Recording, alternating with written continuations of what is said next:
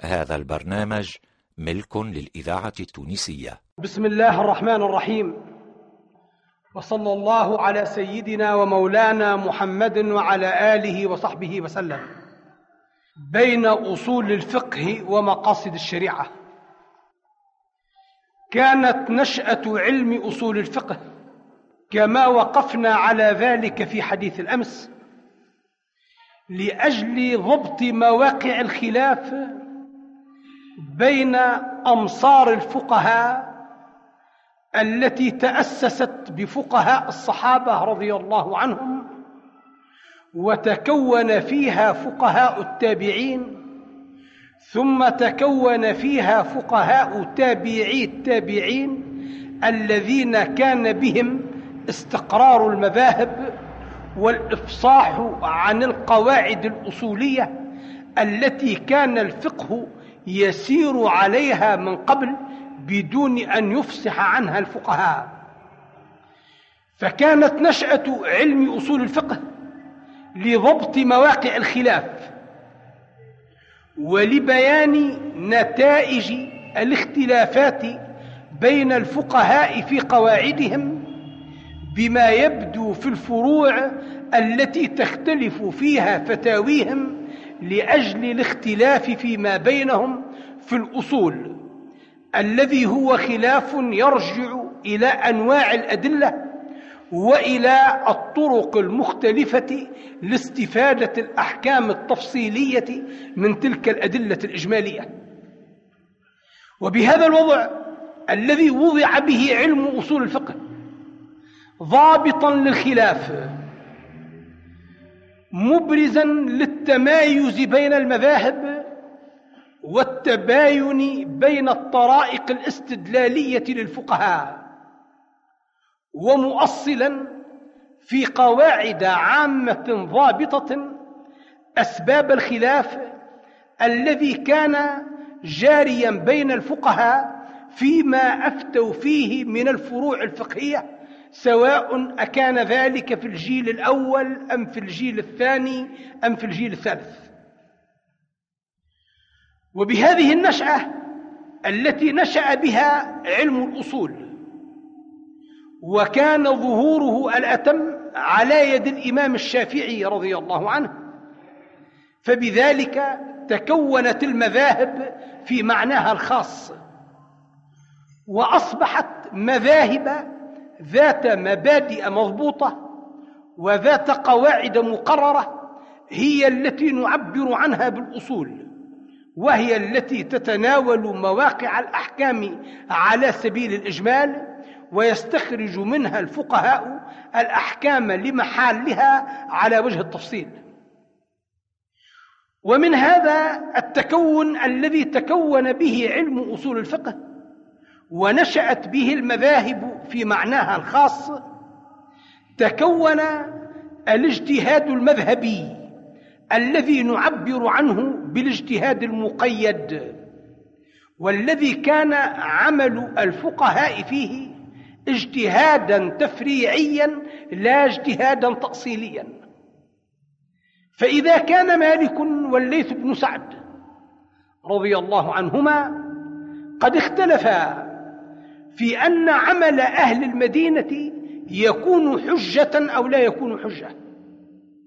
فإن مالكا رحمه الله تعالى بنفسه قد اختلف قوله عن قول أصحابه وتلاميذه واختلف قول أصحابه وتلاميذه فيما بين بعضهم وبعض في مسائل فرعية كثيرة بحيث إنه يعز أن توجد مسألة في الفقه المالكي ليست محل اختلاف بين مالك وواحد من أصحابه من ابن القاسم أو ابن وهب أو غيرهما.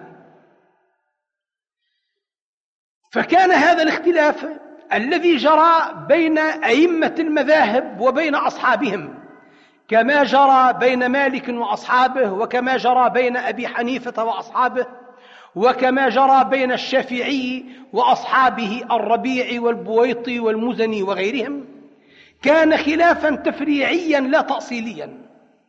فكان هؤلاء الفقهاء لا يختلف واحد منهم عن إمامه الأول في حجية ما يرى إمامه حجيته.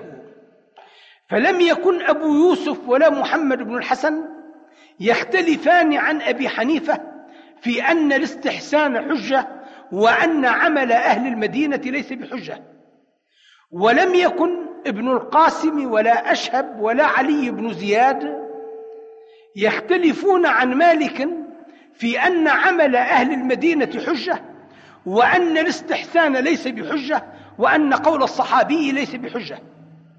ولذلك اعتبر الفقهاء في هذا الدور فقهاء تفريع كما قلنا أو مجتهدين مقيدين فكانوا بأحد الاعتبارين مقلدين أي أنهم كانوا مقلدين في الأصول التي قررها أئمتهم من حيث الحجية وعدم الحجية. وكانوا مستقلين في الفروع بحيث أنهم كانوا في الاستدلال بتلك الأصول وفي طرائق الاستدلال. وفي الاجتهاد في إدراج الواقعة الجزئية تحت القاعدة الكلية وتحت المنهج الاستدلالي الذي سار عليه إمامهم من قبل كانوا مستقلين. ولذلك جمعنا لهم بين الوصفين فسميناهم مجتهدين باعتبار وسميناهم مقيدين باعتبار آخر لأن المجتهد الحقيقي لا يمكن أن يكون مقلدا. فهم إنما كانوا مجتهدين في الفروع مقلدين في الأصول. وهذا فيما يظهر هو المعنى الذي يحاوله كثير من فقهاء المذاهب حين يدعون رد الأقوال المخالفة لأصحاب إمام من الأئمة إلى قول ذلك الإمام بنفسه. الإذاعة التونسية كما يقول فقهاء الحنفية على ذاكرة ما من الوطن. قول لأبي يوسف أو لمحمد إلا وهو قول لأبي حنيفة. فإن هذا قد يحمل على أن كل ما قاله أبو يوسف هو موافق لكل ما قاله أبو حنيفة في جميع الجزئيات. وهذا أمر يدفعه ويناقضه أن أبا يوسف بنفسه أو أن محمد بن الحسن بنفسه يذكر خلافه لأبي حنيفة ولا يدعي أنه روى ذلك عن أبي حنيفة ولكنه يرد على أبي حنيفة ردا. كما نقف على ذلك فيما أورده الإمام الشافعي رضي الله عنه في كتاب الأم في الكتاب الذي عنونه بكتاب اختلاف العراقيين يعني أبا حنيفة وابن أبي ليلى ونقله عن أبي يوسف فكان أبي أبو يوسف في غير مسألة من المسائل يتبع قول أبي حنيفة في مخالفة ابن أبي ليلى بأنه يرى ما رآه ابن أبي ليلى. ونجد محمد بن الحسن في كتبه الكثيرة ولا سيما في كتب ظاهر الرواية ينقل, ينقل قول أبي حنيفة وقول أبي يوسف ويعقب عليهما بالرد ويبين أنه يقول بخلاف ما قاله أبو حنيفة. ولذلك فإذا قالوا أن ما من قول لأبي يوسف أو لمحمد إلا وهو لأبي حنيفة فمعنى ذلك أنه ما من قول لأبي يوسف يخالف أبا حنيفة في الحكم الفرعي إلا وهو راجع إلى قول لأبي حنيفة في الحجية الأصلية التي بمقتضاها تكون ذلك القول على الصورتين المختلفتين في تطبيق حجية ما قال أبو حنيفة بحجيته وقلده أبو يوسف أو محمد في تلك الحجية. ولهذا فإن علم أصول الفقه قد أصبح في حقيقة الأمر سياجا للمذاهب ومقيدا للفقهاء بحيث إنه هو الذي تقاصرت به حركة الاجتهاد بعد أن كانت مطلقة فصارت مقيدة لأن الناس أصبحوا لا يقلدون في الفروع فيبقون مجتهد مجتهدين ولكنهم يتقيدون بالأصول التي وضعها أئمة المذاهب. ولأجل ذلك فإن علم أصول الفقه.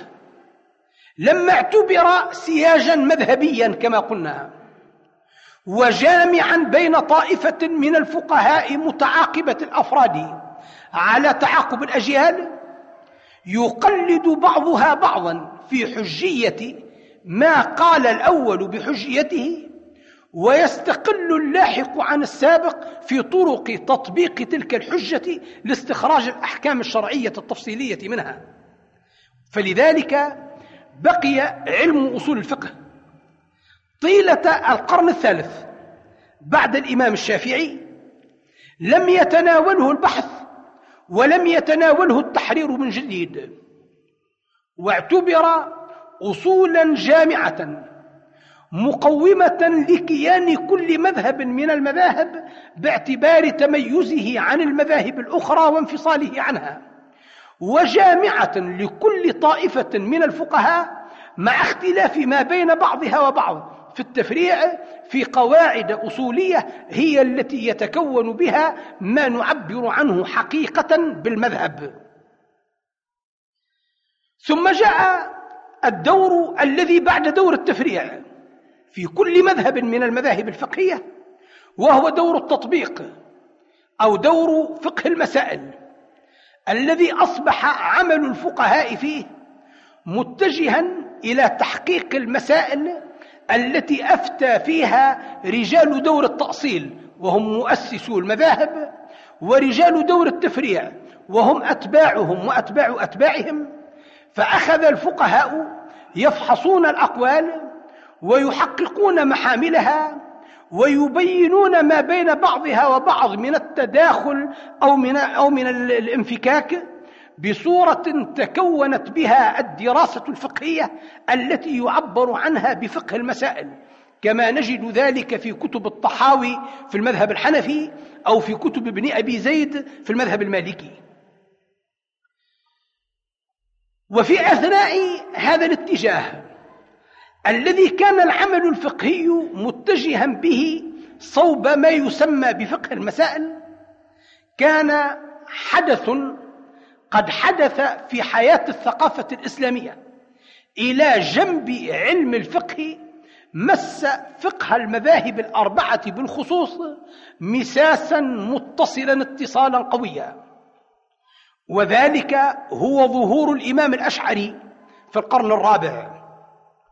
ظهورا ربط بين ثلاثة علوم كان بعضها منفكا عن بعض وهي علم الكلام وعلم الحديث وعلم الفقه. فإنه لا يخفى أن المتكلمين الأولين في القرن الثاني والقرن الثالث الذين هم المعتزلة كانوا مجافين للفقهاء ومجافين للمحدثين. وكان المحدثون والفقهاء أيضا مجافين لعلماء الكلام فأئمة المذاهب الأربعة وأتباعهم من أصحابهم الأولين والذين جاءوا من بعدهم ما كان واحد منهم إلا مزورا إزورارا تاما عن الكلام ورجاله فكما كان جميع المحدثين كان جميع الفقهاء السنيين على هذا المعنى من الإزورار من علم الكلام. فلما ظهر الإمام أبو الحسن الأشعري في القرن الرابع وقلب الكلام من الكلام الاعتزالي إلى الكلام السني فإنه بذلك ربط بين السنة والكلام. ومعنى ذلك كما يفصح عنه بمقاله في كتابه مقالات الإسلاميين أنه ألف بين منهج الكلام وبين مناهج المحدثين الذين يعتبرهم فرقة من الفرق والفقهاء الذين يصرح بما كانوا عليه من ازورار من علم الكلام ورجاله. وقد كان الأشعري فقيها قبل أن يكون متكلما. وكان فقيها مالكيا على ما عليه كثير من مترجميه أو شافعيا كما عليه طائفة أخرى من مترجميه. فهو على كل حال قد كان فقيها متبعا لمذهب فقهي سني نشأ في أحضان علم الكلام الاعتزالي ثم تأثر بروحه الفقهية السنية وبمنهجه الكلامي الاعتزالي فجمع بين الكلام وبين الفقه على الطريقة التي برز بها علم الكلام في صورة جديدة على يد الإمام الأشعري. فمن يومئذ ابتدأت المعركة بين السنية والاعتزالية لأن الفقهاء والمحدثين لم يكونوا يجادلون المتكلمين من قبل. فلما انتصب الأشعري لمجادلة المتكلمين الأقدمين بالكلام الجديد الذي أحدثه فإنه تزعم الفقهاء وخاصة من المذهبين المالكي والشافعي ودخل بهم غمار هذه المعركة في وجه علم الكلام القديم أو في وجه الاعتزال. فكان ذلك عاملا أول لتأكيد التقارب الذي تحققت أسبابه وأصوله من قبل بين المذهبين المالكي والشافعي. ومن هذه المعركة الجدلية التي دخل فيها الفقهاء وخاصة المالكية والشافعية فيما بينهم وبين المعتزلة تأثر الفقه بالأساليب الجدلية الاستدلالية. فكان مظهر أصول الفقه.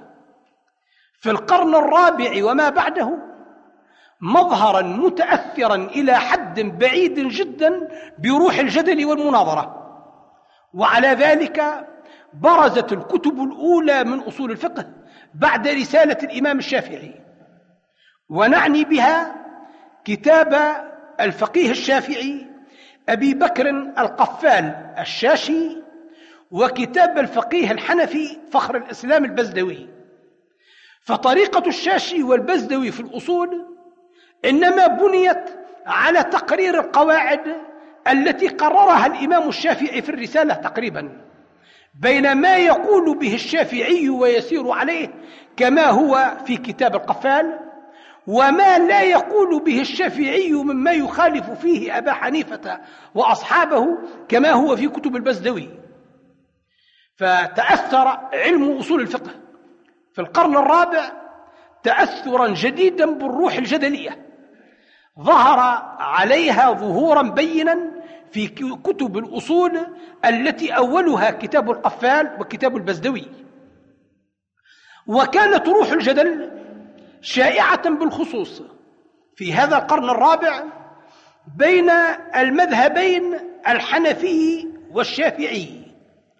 لأسباب كثيرة اقتضت ذلك منها الفقهي ومنها الاعتقادي ومنها الاجتماعي ومنها السياسي وتظهر بصورة واضحة في الزحام الإقليمي الذي كان بين المذهبين الحنفي والشافعي حيث أن المذهب الحنفي نشأ في العراق. وامتد أولا إلى البلاد الإيرانية وإلى آسيا الوسطى إلى بلاد ما وراء النهر. وكان المذهب الشافعي مذهبا حجازيا ثم مصريا. فإذا بالمذهب الشافعي يقتحم على المذهب الحنفي إقليمه في العراق وإيران وآسيا الوسطى فيتكون من ذلك الزحام الجدلي الذي انتهى إلى درجات غير مرغوب فيها بلغت إلى حد من الإسفاف. لا يشرف مقام الفقهاء في القرن الخامس. فعقب هذا الاصطباغ الجديد الذي اصطبغ فيه أصول الفقه بتأثر علم الجدل وانتهى به الأمر إلى ما انتهى به بكثير من الفقهاء إلى الإسفاف في المقالات الجدلية. كما اشتهر ذلك في قضية صلاة القفال المشهورة وكما عرف ذلك في ترجمة الإمام أبي إسحاق الشيرازي حتى قيلت الكلمة المشهورة التي يتندر بها الفقهاء لو اصطلح أبو حنيفة والشافعي لذهب علم أبي إسحاق الشيرازي فظهر القاضي أبو بكر البقلاني الذي هو فقيه مالكي.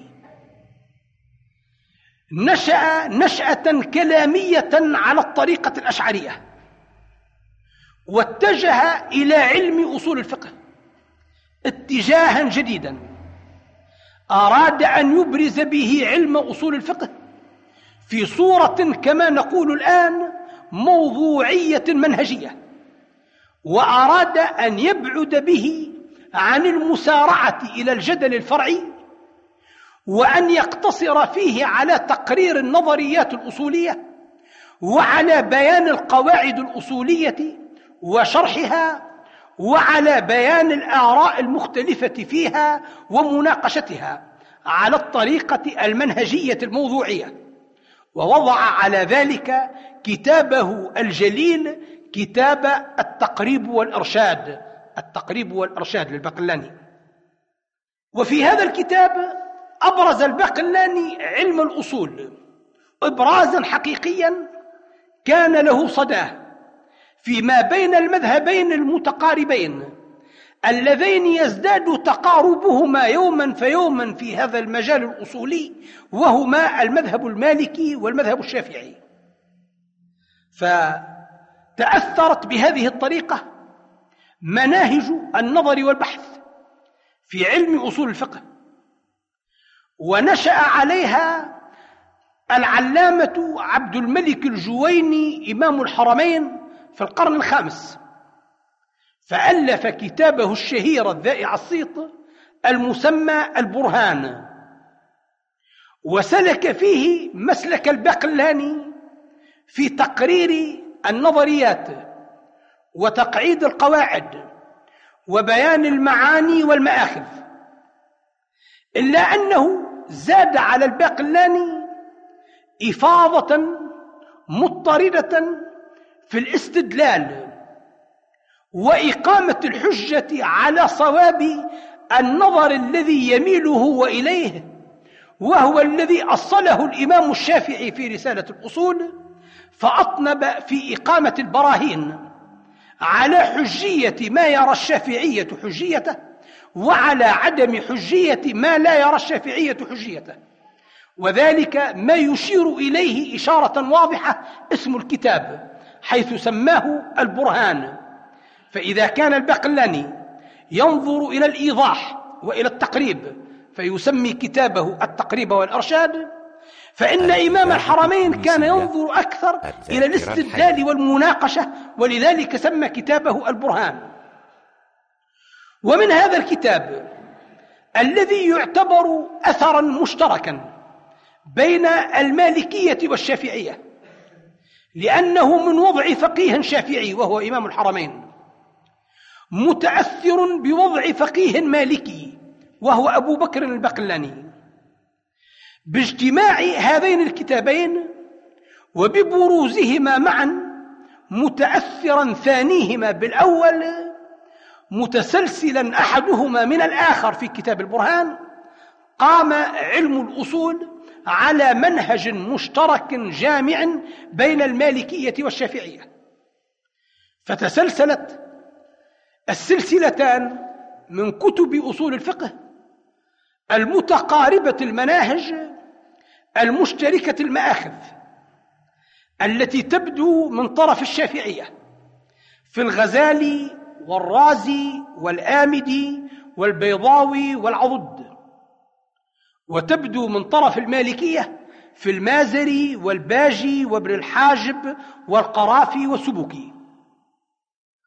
فالفرع الشافعي ابتدأ بالغزالي الذي هو أشهر تلاميذ إمام الحرمين وأتمهم قياما على علمه وأكملهم خلفية له في رئاسته الكلامية والأصولية والفقهية.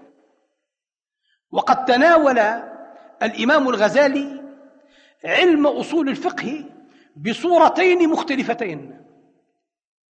تناوله بصورة نقدية ثورية إن صح أن يقال هذا في كتاب إحياء علوم الدين. لأنه نحى باللائمة على الفقهاء واستخف استخفافا واضحا بالمناهج الجدلية التي كانوا يسيرون فيها. وحقر قيمة علم الجدل باعتبار المقياس الديني الذي جعله مقياس جميع المعارف في كتاب إحياء علوم الدين. وبين أن أصول الفقه إنما وضع لغاية شريفة لكنه استعمل عند الفقهاء لغاية غير شريفة لأنهم جعلوه مسندا للجدل الذي لا يهدف إلى الحق وإنما يهدف إلى نصرة المذاهب بالعصبية وكان في ذلك مخالفا مخالفة واضحة لاتجاه أستاذه إمام الحرمين الذي أظهر من طول الباع في الجدل ومن التأثر بالروح الجدلية ومن التعصب للمذهب الشافعي ما يبرز في كتابه المشهور الذي سماه مغيث الخلق في إبراز المذهب الحق يعني به مذهب الشافعي. ثم تناول الغزالي علم أصول الفقه تناولا آخر وهو تناول بنائي إيجابي في كتاب المستصفى. فلم يكن متجاوزا حدا بعيدا في الافتراق عن الأوضاع المتقدمة قبله في جوهرها وموضوعها. نعم إن كتاب المستصفى امتاز بحسن العرض وبوضوح البيان وباستقامة البراهين وبنصاعة الحجج وبحسن الجمع وحسن الترتيب وحسن المقابلة وحسن الاستدلال. ولكنه في جوهره لخص علم أصول الفقه على نحو ما هو عليه في في كتاب إمام الحرمين البرهان أو في كتاب القاضي أبي بكر الباقلاني من قبله التقريب والإرشاد. فلم يأتي الغزالي في كتاب المستصفى بأنظار جديدة في أصول الفقه. ولم يغير أصول الفقه ولكنه اكتفى بالنقد المنهجي الذي يرجع إلى الغاية من استعمال العلم لا إلى جوهر العلم في ذاته. ولخص علم أصول الفقه بباعه الطويل وعلمه الجليل في كتاب المستصفى الذي كان من آخر الأوضاع العلمية في حياة الغزالي. فأبرز أصول الفقه بروزا واضحا استمد شيئا كثيرا من سمعة الغزالي ومن منزلته ومن البراعة الفائقة التي أظهرها في تحرير هذا الكتاب وتأليفه. ثم جاء الإمام الرازي فاعتمد على المصادر المتقدمة. والمصادر التي ظهرت في السلسلة الأخرى التي سنأتي عليها فيما بعد وهي السلسلة المالكية. وأبرز كتابه الذي سماه المحصول المحصول من علم الأصول. وقصد فيه إلى نفس ما قصد الغزالي في كتاب المستصفى حتى أن العنوان يعنون على نفس الغاية التي يعنون عليها في كل من الكتابين. المستصفى أو المحصول بحيث إنه لخص الآراء والأنظار وناقش الأدلة وأورد المذاهب وحججها.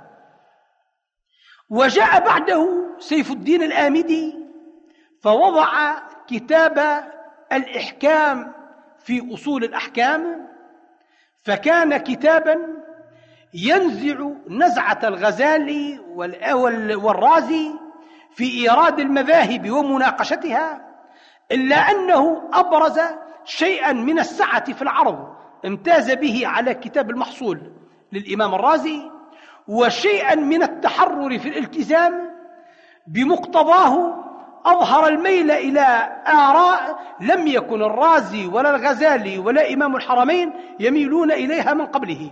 وهي الآراء المعروفة بنسبتها إلى الغزال إلى الآمدي في المختصرات الحديثة من أصول الفقه. وجاء البيضاوي في القرن السابع فوضع كتابه المنهاج وبناه على طريقة جمع الآراء المختلفة وبيان أدلتها ومناقشة الأدلة على معنى أنه مستقر دائما على رأي معين منها يجعل مناقشة غيره للإسقاط ومناقشته هو للتحصيل بحيث إن الغاية منه إنما كانت الإقناع بصواب المنهج الأصولي الذي يسير عليه فقهاء الشافعية. وجاء بعده العضد فتناول مختصر ابن الحاجب. الذي سنراه في السلسلة المقابلة وهي المالكية. وقرب تقريبا واضحا بين المذاهب باعتبار كونه شافعيا. يشرح كتاب مالكي ويعيش في بيئة مختلطة بين شافعية وحنفية. فكانت عنده نظرة واسعة إلى الأصول الحنفية التي عاشت بمعزل عن هذه المدرسة التي هي مدرسة إمام الحرمين. وكانت عنده بحوث مستقلة وآراء دقيقة بحيث أنه انتصب منصب الحكم في كل قضية من القضايا التي أوردها ابن الحاجب على النحو الذي سنراه في مختصر ابن الحاجب ففتح بذلك بابا جديدا. جعل بمقتضاه علم أصول الفقه عبارة عن عمل من التحليل الرياضي ليس متجها إلى غاية معينة من تحصيل منهج وإنما هو متجه إلى إعمال النظر وإلى الحكم المستقل وإلى المناقشة بين الآراء والمذاهب بصورة تحليلية جزئية يكون للكاتب فيها في كل موضوع من المواضيع, من المواضيع رأي خاص بحسب ما يرى أنه التحقيق بالنسبة إلى ذلك الموضوع. فجاء العضد يحقق علم أصول الفقه على طريقة التحقيق التي أصبحت آخذة بمقالة العلم في القرن الثامن. فإذا انتهينا إلى عضد الدين عبد الرحمن الإيجي في شرحه على مختصر ابن الحاجب ورأينا مقدار التعاطف بين السلسلتين المالكية والشافعية فإننا ننتقل إلى السلسلة الأخرى وهي السلسلة المالكية ابتداء من القرن الخامس. فنجد الإمام أبا عبد الله المازري. قد تلقف آثار إمام الحرمين كما تلقفها أصحابه من الشافعية. بل كان المازري وهو الفقيه المالكي الشهير أكثر اختصاصا بكتب إمام الحرمين وتوفرا لها وانكبابا عليها حتى إنه كتب شرحين على كتاب البرهان لإمام الحرمين. أحدهما شرح مستقص يتتبع الألفاظ ويشرح جميع ما اشتمل عليه الكتاب جزئية جزئية ومسألة مسألة وهو المعروف بالشرح شرح البرهان للإمام الرازي. والآخر هو كتاب الأمالي وهي أمال على البرهان. لم يتتبع فيها كتاب إمام الحرمين ولم يساير عبارته ومباحثه ولكنه علق عليه تعليقا تحصيليا تلخيصيا في كل مسألة من المسائل فأملى خلاصة المذاهب والآراء وخلاصة الحكم الذي يستند إليه غالبا تعضيدا لإمام الحرمين. وجاء بعد المازري القاضي أبو الوليد الباجي فكتب كتاب الإشارات وبناه تقريبا على تلخيص لآمال المازري على البرهان ولكتاب البرهان بذاته.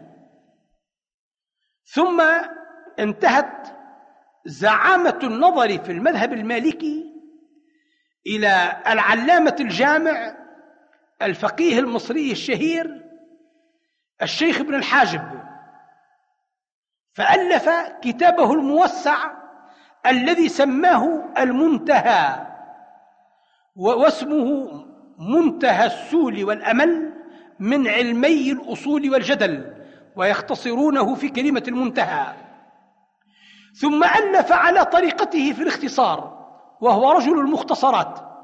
فقها ونحوا ومنطقا وأصولا ألف المختصر الذي هو مختصر المنتهى أو الذي يعرف بالمختصر الأصلي لابن الحاجب في مقابلة المختصر الفرعي الذي هو مختصره للفقه المالكي أو جامع الأمهات.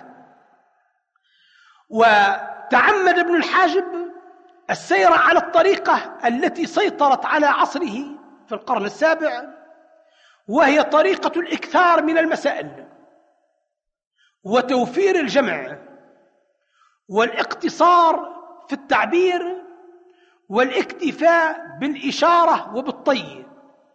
فجاء كتابه جامعا لنظريات علم الأصول مستندا دائما إلى المنهج الذي تأصل في الأصل الجامع وهو كتاب البرهان لإمام الحرمين.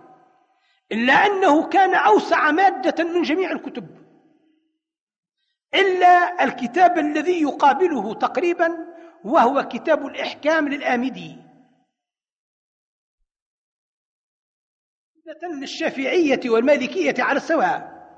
ناهيك بأن عضد الدين الإيجي قد شرحه في القرن الثامن مع أنه كان شافعيا فظهر بذلك معنى آخر من التعاطف بين الأصول عند الشافعية وعند المالكية كما ظهر أولا في شرح المازري على البرهان ظهر رده في شرح العضد على مختصر ابن الحاجب. ثم ظهر بعد ابن الحاجب من المالكية تلميذه الشهير العظيم الصيت شهاب الدين أحمد بن أدريس القرافي. فاتجه إلى وضع شافعي وهو كتاب المحصول للإمام الرازي ووضع عليه شرحه الشهير وهو شرح القرافي على المحصول الذي يقع في مجلدين كبيرين. فكان تناولا مالكيا لوضع شافعي. الإذاعة التونسية ثم ألف مقدمة. لكتابه في الفقه وهو كتاب الذخيرة. مقدمة جعلها منسجمة مع الغاية من ذلك الكتاب.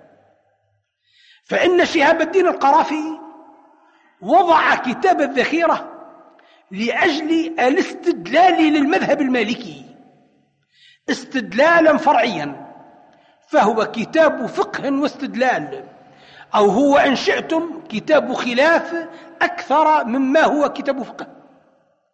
ووضع لهذا الكتاب مقدمة لخصها من شرحه على المحصول وأراد منها أن يبين معنى الاحتجاج الأصولي على طريقة تكون كفيلة بإسناد الأدلة الجزئية التي يتعرض إليها في أثناء الكتاب نصرة للمذهب المالكي واحتجاجا له على المذاهب المخالفة في جميع الفروع الفقهية. فألف القرافي كتابه التنقيح الذي هو مقدمة للذخيرة وسماه تنقيح الفصول في اختصار المحصول. إذ رجع به إلى كتاب المحصول للإمام الرازي. وجعله متجها اتجاها مذهبيا واضحا حتى إنه كاد أن ينفض يده من التآخي الذي بين المالكية والشافعية في الأصول فوجه كتابه التنقيح توجيها مالكيا محضا لأنه وضعه للجدل المذهبي وللاستدلال الفقهي. فإذا اعتبرنا أن السلسلة المالكية قد ابتدأت بالمازري وانتهت إلى القرافي وأن السلسلة الشافعية قد ابتدأت بالغزالي وانتهت عند العضد. فإننا نلتفت بعد هذا إلى شافعي اعتبر مشترك النسبة بين المذهبين وهو الشيخ تاج الدين السبكي. في القرن الثامن. فإن السبكي شافعي مشهور ولكنه نشأ في أصول الفقه على مدرسة ابن الحاجب الذي هو مالكي وعكف على كتاب المنتهى وعلى كتاب المختصر وألف شرحا على المختصر الأصلي لابن الحاجب. ثم بدا له أن يجمع جمعا جديدا على طريقة المختصرات الموجزة المقتصرة التي شاعت في القرن السابع والقرن الثامن فألف كتابه الذي سماه بحق جمع الجوامع والذي اعتبر تلخيصا رائعا على الطريقة التي كانت مقبولة عندهم يومئذ وإن لم تكن فيما يظهر مقبولة عندنا الآن. فأتى بجمع الجوامع كتابا ملخصا لجميع المباحث التي ثارت في أصول الفقه من لدن القاضي أبي بكر البقلاني إلى القرافي وابن الحاجب والبيضاوي. فأصبح كتاب جمع الجوامع العمدة والمرجع. وتوفر الناس من المالكية والشافعية عليه وانقطعوا إليه شرحا وتدريسا وخدمة واعتمادا ورجوعا. وبذلك أصبحت الطريقة الأصولية التي ابتدأت بأبي بكر الباقلاني وهي الطريقة المالكية الشافعية متجلية في هذا المختصر الذي جمع كثيرا وشرح قليلا وهو مختصر جمع الجوامع. للإمام الشيخ تاج الدين السبكي أما الطريقة الأخرى التي بقيت منذ القرن الرابع مجافية لهذه الطريقة المالكية الشافعية فهي الطريقة الحنفية التي خلفناها في القرن الرابع متمثلة في كتاب الأصول لفخر الإسلام البزدوي. فبقيت طريقة فقهاء الحنفية من بعده متأثرة بمنهجه. وعلى ذلك ظهرت كتب الأصول الحنفية. غير صاعدة إلى المعنى النظري الاستدلالي. ولا قاطعة النظر عن الفروع الفقهية كما قطع إمام الحرمين والغزالي والمازري أنظارهم عن الفروع وتمسكوا بالأصول تمسكا مبدئيا نظريا يناقشونها في ذاتها كأنها وضعت لنفسها ولم توضع لاستخراج الفروع منها. فبقيت طريقة البزدوي التي هي طريقة جدلية كما كانت طريقة الشاشعي الشافعي مسيطرة على الأوضاع الأصولية من طرف فقهاء الحنفية. فكانوا يتجهون تلك الوجهة الجدلية الاستدلالية. فيعقدون الأبواب على حسب المباحث الأصولية ويوردون القواعد الأصولية على ما عليه أئمة المذهب الحنفي. ثم يكثرون من إيراد الفروع الفقهية ويبينون كيفية تفرع الفرع عن أصله. ويناقشون في الأصل كما يناقشون في الفرع ويجعلون مناقشتهم متجهة دائما إلى كتب الأصول الشافعية وإلى فروع الفقه الشافعي. وعلى ذلك نرى أن علم الأصول في الوقت الذي اتجه فيه الآمدي والبيضاوي وابن الحاجب والقرافي إلى الأوضاع التي امتاز بها القرن السابع متجليا بالنسبة إلى المذهب الحنفي في الوضع الذي امتاز به كتاب الإمام النسفي في الأصول الحنفية وهو كتاب المنار. ثم جاء بعده صدر الشريعة فوضع كتابه التنقيح ووضع عليه شرحه الذي سماه التوضيح. فكانت السلسلة الحنفية متجهة إلى التطبيق الأصولي على المسائل الفرعية.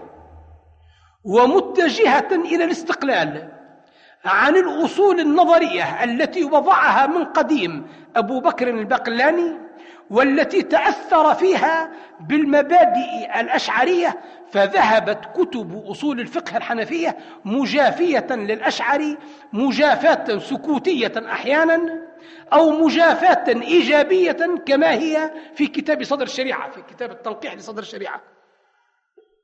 حتى ظهر بين الشافعية والحنفية. فكر النير سما فوق التقسم المذهبي وفوق التعصب المنهجي ألا وهو فكر العلامة الكبير المحقق سعد الدين التفتزاني. فأراد أن يزيل التفكك الذي بين المنهجين الأصوليين. وأن يسير في خطى أستاذه عضد الدين عبد الرحمن الإيجي العضد في جعل بحث علم الأصول بحثا غير متجه إلى غاية إيجابية ترجع إلى نصرة المذاهب ولكنه جعل اتجاهه كما قلنا إلى الرياضة التحليلية. فذهب يكتب على كتب الأصول من المنهج المالكي الشافعي وعلى كتب الأصول من المنهج الحنفي على السواء. فوضع حاشيته على شرح العضد على مختصر ابن الحاجب ووضع حاشيته الجليلة الأخرى التي وضعها على شرح صدر الشريعة على التنقيح والتي سماها التلويح. فكان في كل من الحاشيتين كما هو شأنه في كل ما وضع في كل علم رجلا مستقلا. كثيرا ما حاول أن يفرض آراء الأصوليين من فقهاء الحنفية على ابن الحاجب والعضد فيما كتبه على شرح العضد على مختصر ابن الحاجب. وكثيرا ما حاول أن يفرض آراء الأصوليين المالكية والشافعية. بل مناهج الإمام الأشعري الاعتقادية على المتكلمين والأصوليين من الحنفية في وضعه التحقيقي الرائع الذي أبرزه في حاشيته على صدر الشريعة المسماة بالتلويح. فإلى هنا انتهى علم الأصول على يد السبكي والعضد وسعد الدين التفتزاني وقرينه وقريعه السيد الجرجاني إلى كونه علما غير ذي أثر.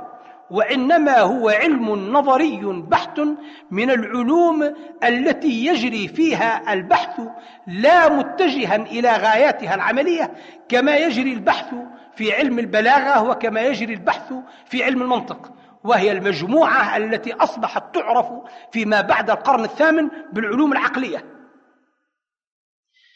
إلا أن عندما ننظر إلى جنب علم أصول الفقه إلى علم الفقه بذاته. نجد أنه في الوقت الذي ذهب فيه علم أصول الفقه يجمع الآراء ويجادل فيما بينها. اتجه علم الفقه في الأوضاع التي عاصرت أوضاع أصول الفقه المعتبرة من عصر إمام الحرمين ذهب علم الفقه يتناول في المسائل الفقهية الحكم والعلل والمصالح التي من أجلها روعيت الأحكام الفقهية. فكان الذين تكفلوا ببيان غايات الفقه وحكمه وعلله والمصالح المعتبرة فيه إنما هم الفقهاء لا الأصوليون. وذهب الفقهاء الذين ما كان الناس يظنون بهم ذلك. يضعون القواعد العامة والمبادئ الكلية المجمع عليها المتفق عليها. وكثيرا ما يرجعون بذلك إلى القواعد التشريعية العامة الجليلة التي ترجع إلى جوامع الكلمة النبوية. مثل لا يحل مال امرئ مسلم إلا عن طيب نفس. ومثل ليس لعرق ظالم حق إلى آخرة. حتى أن الإمام جلال الدين السيوطي نقل عن أبي داود وإن كان أبا داود لم يذكر ذلك في سننه أن الفقه يدور على خمسة أحاديث أن الفقه كله يدور على خمسة أحاديث منها حديث لا ضرر ولا ضرار. وذكر السبكي في خاتمة كتاب القياس من جمع الجوامع عن أبي الحسين المروزي أن الفقه بني على أربعة وربما اختلف في الخامس وهي العادة محكمة المشقة تجلب التيسير درء المفاسد مقدم على جلب المصالح الأعمال بخواتمها. وعلى ذلك فإننا إذا كنا نبحث عن مقاصد الشريعة فليس من المنتظر لنا في هذه الأدوار التي استجليناها جميعا أن نجد شيئا من مقاصد الشريعة في كتب أصول الفقه وإنما نجد مقاصد الشريعة في الأوضاع الفقهية الأولى الموسعة المبسوطة التي كانت تبحث الحكم والعلل والمصالح وتستند في ذلك إلى القواعد العامة التي كثير منها يرجع إلى اللفظ النبوي الحكيم. وجاء دور التنقيح في فقه المذاهب في القرن السادس وهو دور النقد والاختيار والحكم على بعض الأقوال بالضعف وعلى البعض الآخر بالقوة إلى غير ذلك. فانتصب الغزالي سلطانا على المذهب الشافعي يتحكم بالطرح والإثبات في كتابه البسيط وكتابه الوسيط. وانتصب حافظ المذهب المالكي ابن رشد الكبير. يتصرف كذلك في المذهب المالكي تصرف الغزالي. فيشهر ويرجح ويبين الحكم والعلل كما يبدو ذلك بوضوح في كتاب المقدمات الممهدات وكما يبدو بصورة تطبيقية عملية مستمرة في كتابه الذي شرح به العتبية وهو كتاب البيان والتحصيل. وانتصب الذي سمي بحق ملك العلماء وهو الإمام الكاساني في المذهب الحنفي في كتابه بدائع الصنايع يسلك نفس المسلك الذي سلكه الغزالي في فقه الشافعي وسلكه ابن رشد في فقه مالك. فكان اتجاه هؤلاء الفقهاء إلى البحث دائما عما يسمى عندنا حكمة المشروعية. ثم اتجهوا في موازنة الأقوال وتقديرها والحكم على بعضها بالإثبات وعلى بعضها بالطرح إلى تحكيم المصالح. فنظروا إلى ما تقصد إليه الشريعة من تحقيق المصالح للعباد. ووازنوا بين الأقوال الفقهية باعتبار ما يكون منها أكثر تحقيقا للمصالح التي هي مرعية في ذلك الباب. ومن هذا العمل الذي هو بيان حكم المشروعية وبيان مصالح الأحكام وعللها برز فن جديد نشأ في أول أمره في القرن الخامس فنا ضئيلا في مبدئه. وهو فن القواعد والفروق الذي ابتدأ في البيئة المالكية العراقية على يد القاضي عبد الوهاب بن نصر المالكي. فوضع كتابا صغيرا في الفروق بين المسائل المشتبهة. ثم ازدهر هذا العمل بأثر حركة التنقيح أو الترجيح في القرن السادس. ازدهر هذا العمل في القرن السابع. فظهر كتاب الشيخ عز الدين بن عبد السلام وهو كتاب القواعد وهو شافعي. وظهر كتاب تلميذه المالكي شهاب الدين القرافي وهو كتاب الفروق. وكان هذا الازدهار الذي ازدهر به فن القواعد والفروق في القرن السابع متسببا عن دخول الفقه في دور الاقتصار والاختصار الذي شاع في المختصرات التي عكف عليها الفقهاء وشكا ابن خلدون من عكوفهم عليها وهي مختصر ابن الحاجب بالنسبة إلى المالكية وكتاب الكنز للنسفي بالنسبة إلى الحنفية وكتاب المنهاج للنووي بالنسبة إلى الشافعية. فحيث جنحت كتب الفقه إلى الاختصار وضيقت مجال الأنظار. والتفتت دون الحكم والعلل والمصالح مما تكفل ببيانه الفقهاء في القرن السادس. فإن الذي طرحه الفقهاء من ذلك حين أخرجوا المختصرات الفقهية أتى هؤلاء يبرزونه فنا مستقلا إلى جنب فن الفقه. هو الذي برز في قواعد عز الدين بن عبد السلام وفي كتاب الفروق للقرافي. وبذلك نرى أن هذا الوضع الجديد الذي ازدهر في القرن السابع وهو فن القواعد والفروق إنما أتى بلون جديد في التفكير والتأليف يختلف اختلافا جوهريا. عن اللون الذي اصطبغت به كتب الأصول من عهد الإمام الشافعي إلى عهد تجديد السبكي وذلك أن هذه الطريقة الجديدة طريقة القواعد والفروق هي طريقة تتنزل إلى الأحكام الفرعية. ثم تستخرج منها العلل والضوابط فتسمو بها إلى المراجع الكلية التي تجعلها قواعد جامعة أو فروقا مبينة لمناشئ الاختلاف بين المسائل. فكان هذا العلم جديرا بأن يمتاز عن علم أصول الفقه. فسمي علم القواعد والفروق أو سمي بصورة أوضح وأكثر تداولا ولا سيما عندنا في المغرب علم الأصول القريبة. سمي علم الأصول القريبة. وإن الذي يتأمل في هذا المنهج الجديد الذي برز عند الشافعية والمالكية بكتاب ابن عبد السلام وكتاب القرافي يتبين له أنه قد قرب من المنهج الحنفي الذي جاف المذهب المالكي الشافعي منذ القرن الرابع فهو لم يخرج عن محل الخلاف.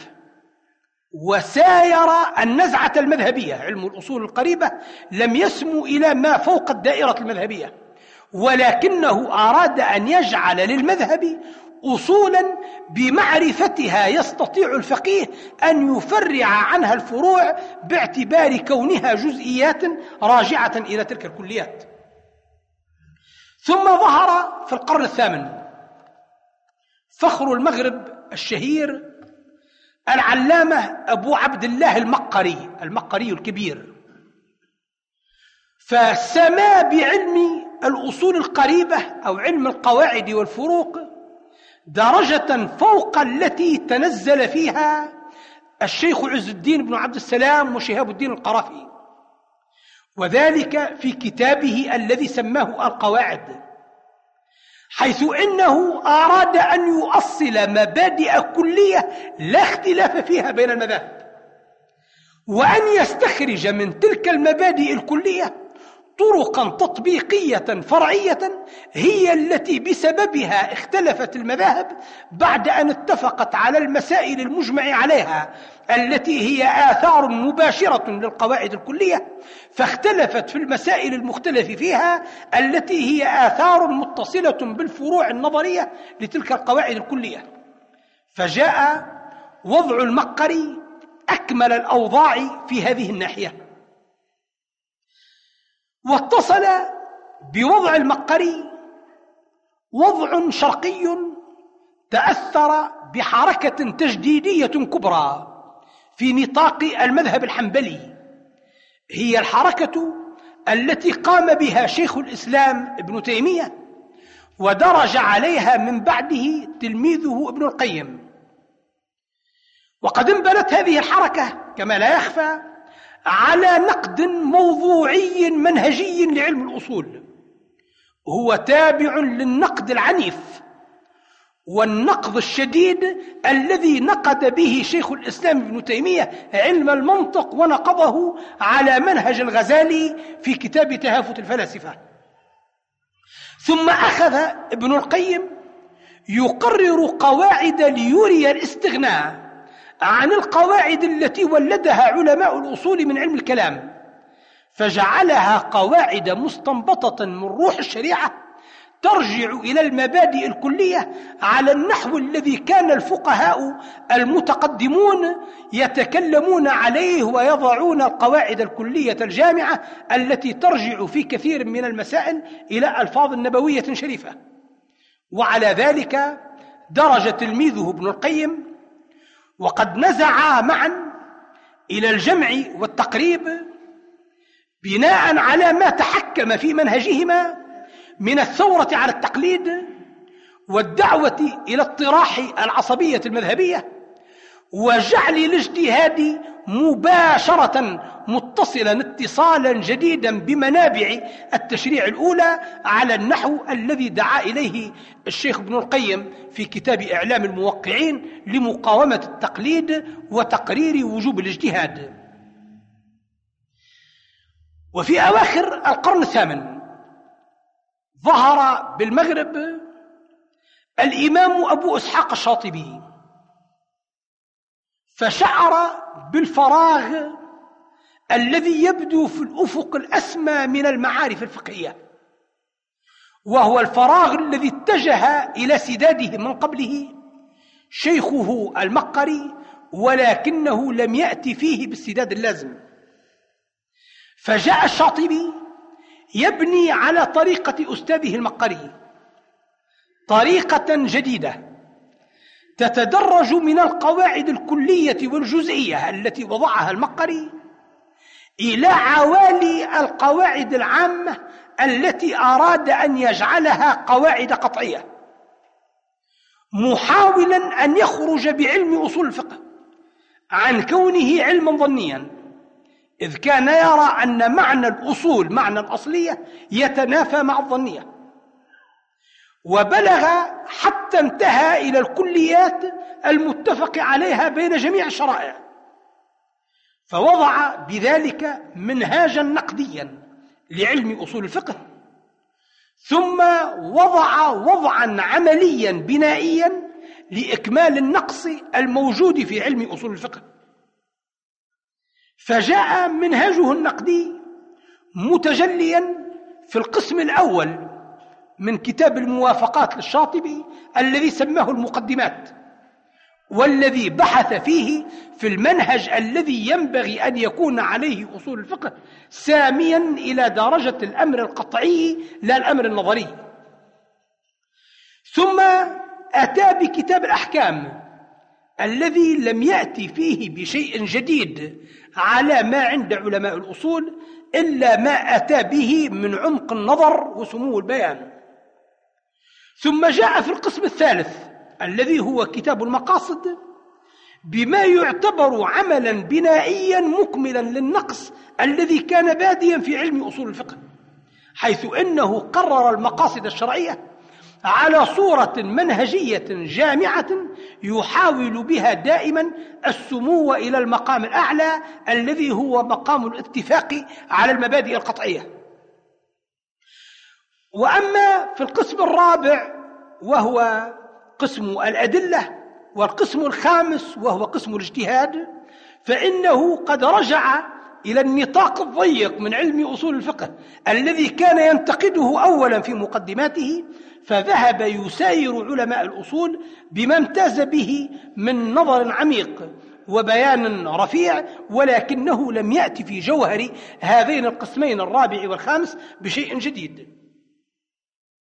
فالمهم من كتاب أبي إسحاق الشاطبي إنما هو كتاب المقاصد الذي هو الكتاب الثالث وهو الذي يعتبر الشاطبي فيه قد وضع بالمعنى الصحيح علما جديدا هو علم المقاصد كما سماه أو علم مقاصد الشريعة. فسما به إلى النظريات العامة كما هو شأن كل علم مستقل. وبين ماهية الموضوع الذي هو التشريع باعتبار مقاصده الكلية الجامعة إلا أنه لم يتمم الاستقراء الجزئية الذي يرجع إلى تفصيل تلك القواعد على أبوابها كما حاول من قبله أن يفعله شيخه أبو عبد الله المقري. وعلى كل حال فإن ما أتى به الإمام الشاطبي من هذا يعتبر عملا لا نظير له لأنه أتى لشيء كانت طلائعه الأولى أو بوارقه الأولى موجودة في بعض كتب الفقه لا في كتب الأصول فأخذها ليصلح بها النقص البادية في الفقه في, في الأصول النقص البادية في أصول الفقه. وليوجه علم الأصول توجيها جديدا بحسب غايته ومبادئه ومناهجه ولكنه لم يفصل تلك النظريات تفصيلا وليس من شأن الذي يضع الأصول لعلم من العلوم أن يتولى هو تفصيلها لأن ذلك يبقى للذين يأتون من بعده. والواقع أن هذا الوضع العجيب وهو كتاب الموافقات للشاطبي قد بقي وضعا منحازا. ليس هو من الفقه وليس هو من أصول الفقه. وبقي أثره أثرا محدودا. فلم تتوفر عليه العناية ولم يشرح ولم يفرع عنه ولم يدرس ولم يخدم وإنما اعتبر كتابا من كتب توسيع الثقافة بالمطالعة.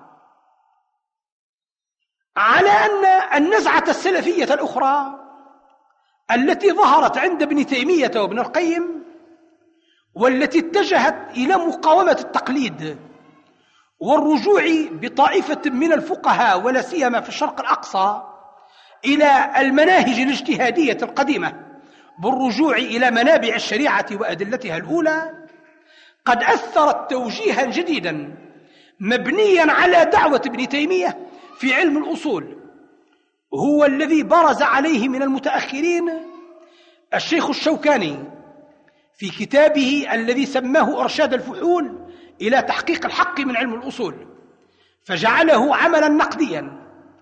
تأثر فيه إلى حد بعيد بنقد الشافعي بنقد الشاطبي في مقدمات كتابه الموافقات لعلم الأصول ولكنه لم يأتي بناحية بنائية.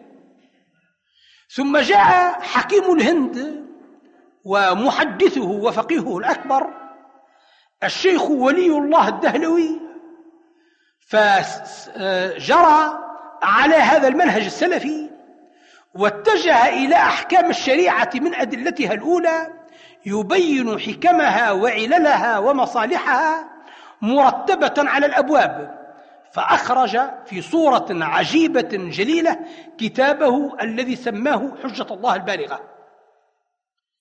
ثم آلت النوبة إلى كتاب مقاصد الشريعة الذي وضعه والدنا الشيخ محمد الطاهر بن عاشور وهو وضع سألني كثير من أبنائنا الأعزة عنه هنا فهو كتاب يعتبر أقرب إلى كتاب الشاطبي منه إلى كل كتاب من هذه الكتب التي استعرضناها. وإن كان ينقد الشاطبي ولا يلتزم أصوله ولا مناهجه ولكنه يسير على الغاية التي سار إليها الشاطبي في إبراز مقاصد الشريعة وأسرارها محاولا تطبيقها على الأبواب الجزئية بإيجاد جوامع كلية ومعاقد منهجية لتصرفات الأحكام على حسب ما تتلاقى فيه المذاهب بالنسبة إلى كل باب من الأبواب.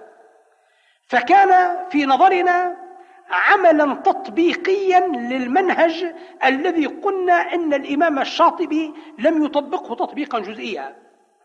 إذ جاء كتاب مقاصد الشريعة يستخرج أصول الأبواب ويحاول أن يجعل لكل حقيقة من الحقائق الشرعية حكمة مسيطرة على جميع التصاريف التي تتصرف عن تلك الحقيقة من الأحكام. وهو مع ذلك يعتبر هذا الكتاب خطوة أولى ينبغي أن تعقبها خطوة ثانية. والخطوة الثانية ترجع في نظره إلى أن دراسة القواعد الكلية للأبواب التي هي كلية باعتبار وجزئية باعتبار آخر. ينبغي أن ينتهي إلى الدرجة الضرورية القطعية كما حاول الشاطبي التي يتفق عليها الفقهاء حتى تصبح تلك القواعد التي هي مستخرجة من استقراء خلاف المتقدمين متحكمة فيما يسير عليه المتأخرون في مناهج الفتوى بحيث إن الفتوى في المعضلات التي تحدث في العصور الحاضرة والعصور المستقبلة ينبغي أن تكون مبنية على أمور كلية لم يصرح بها الفقهاء المتقدمون ولكنها مأخوذة بالاستقراء مما صرحوا به. وهو يرى أن هذا عمل لا يمكن أن ينفرد به الأفراد وأنه لا يمكن إلا أن يكون عملا جماعيا. فكأنه كان منذ أكثر من ثلاثين سنة يهتف بالمجامع العلمية الفقهية مثل مجمع البحوث الإسلامية في الأزهر الشريف التي تضطلع بهذه المباحث والتي تحاول حقيقة أن تستخرج النظريات العامة من الاختلافات الفقهية المتقدمة لأجل أن تضع منهجا يمكن أن تتقارب عليه آراء الفقهاء والمتفقهين في الإفتاء في المعضلات التي تحدث استنادا إلى أمور يكون الفقيه مطمئن النفس فيها في أنه لم يحدث في هذا الأمر ما ليس منه لأن من أحدث في هذا الأمر ما ليس منه فهو رد. والسلام عليكم ورحمة الله وبركاته.